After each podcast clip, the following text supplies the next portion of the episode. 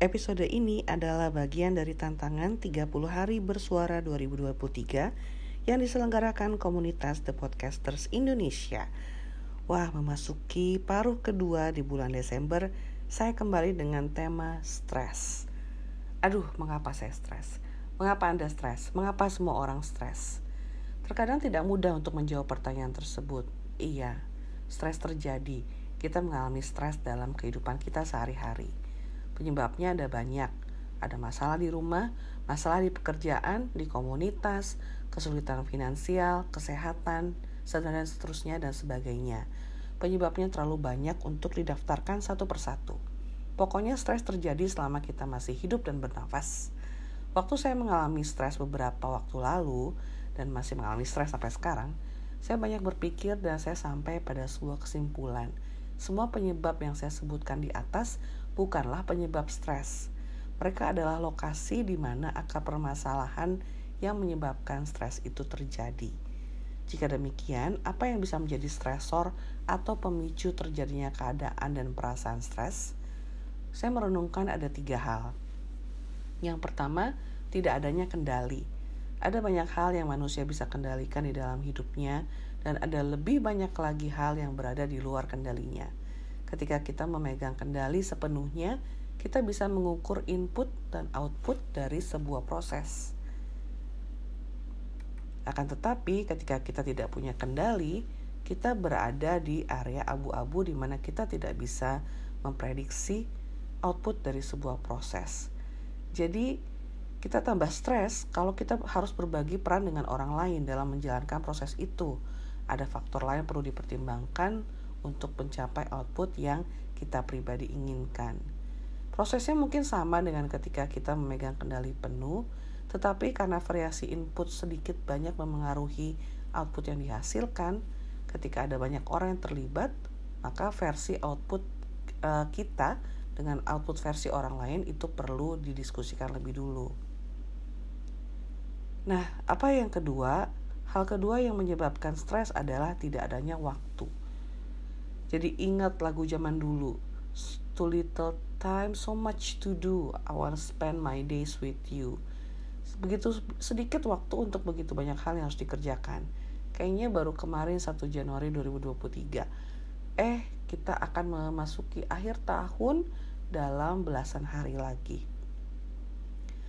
Nah, ketika tidak ada waktu, apa yang harus kita lakukan? Ya, kita harus memanfaatkan waktu yang ada dengan persiapan sebaik mungkin dalam rentang waktu yang seminimal mungkin kita hanya bisa berusaha yang terbaik dan ketika output yang terjadi ternyata tidak sesuai dengan yang kita harapkan harus ada kelegaan, kelegowoan bahwa waktu itu memang kita tidak berusaha sebaik yang kita mungkin bisa kalau keadaannya berbeda. Pengelolaan waktu sejatinya hanya berdasarkan kedua hal berikut aja, skala prioritas, dan tingkat urgensi. Jadi kita tahu mana yang paling penting, mana yang harus didahulukan, dan itu berlaku untuk semua hal. Contohnya saya, saya berumah tangga yang sekaligus les bahasa Korea, eh, bekerja secara freelance, mengurus rumah, mengurus anak, dan lain sebagainya. Saya tahu prioritas saya adalah keluarga, pasti yang pertama dan yang utama. Jadi waktu saya lagi asik belajar, anak saya tiba-tiba minta ditemenin bikin PR, saya harus drop semua yang saya sedang kerjakan yang berkaitan dengan les bahasa Korea. Prioritas saya adalah membantu anak saya terlebih dahulu. Setelah selesai dengan dia, baru saya kembali ke pekerjaan saya yang lainnya. Hal ketiga yang membuat kita bisa stres adalah tidak adanya kesempatan. Kata orang, waktu adalah uang, tapi tidak. Waktu adalah hidup. Waktu adalah kesempatan untuk berbuat banyak hal. Ketika waktu terbatas, kesempatan pun terbatas dan ketiadaan waktu menyebabkan ketiadaan kesempatan. Kesempatan yang tak kunjung datang adalah penyebab ketiga dari perasaan stres. Nah, bagaimana jika kita sudah berusaha mendapatkan kesempatan itu, tapi kesempatan itu tidak datang juga? Hmm, saya cuma bisa bilang kalau setiap orang akan mendapatkan kesempatannya dan biasanya tidak pada waktu yang dia inginkan. Nah, sekarang saya akan masuk ke cara jitu untuk menangani stres. Buat saya paling efektif adalah tidur. Dengan tidur, dengan istirahat yang cukup, saya akan mempunyai pikiran yang kembali segar untuk membuat diagram tulang ikan Ishikawa. Kamu mungkin pernah dengar uh, bentuknya itu ada kepala ikan di ujung dan ada duri-duri ikan di sepanjang badan. Nah, kepala ikan itu adalah penyebab utama dari stres dan duri-durinya mewakili setiap faktor yang bisa menyumbang ke penyebab utama stres itu.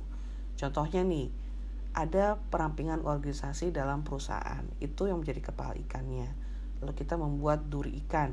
Kenapa bisa ada perampingan? Tidak ada budget untuk meningkatkan jabatan dan gaji karyawan.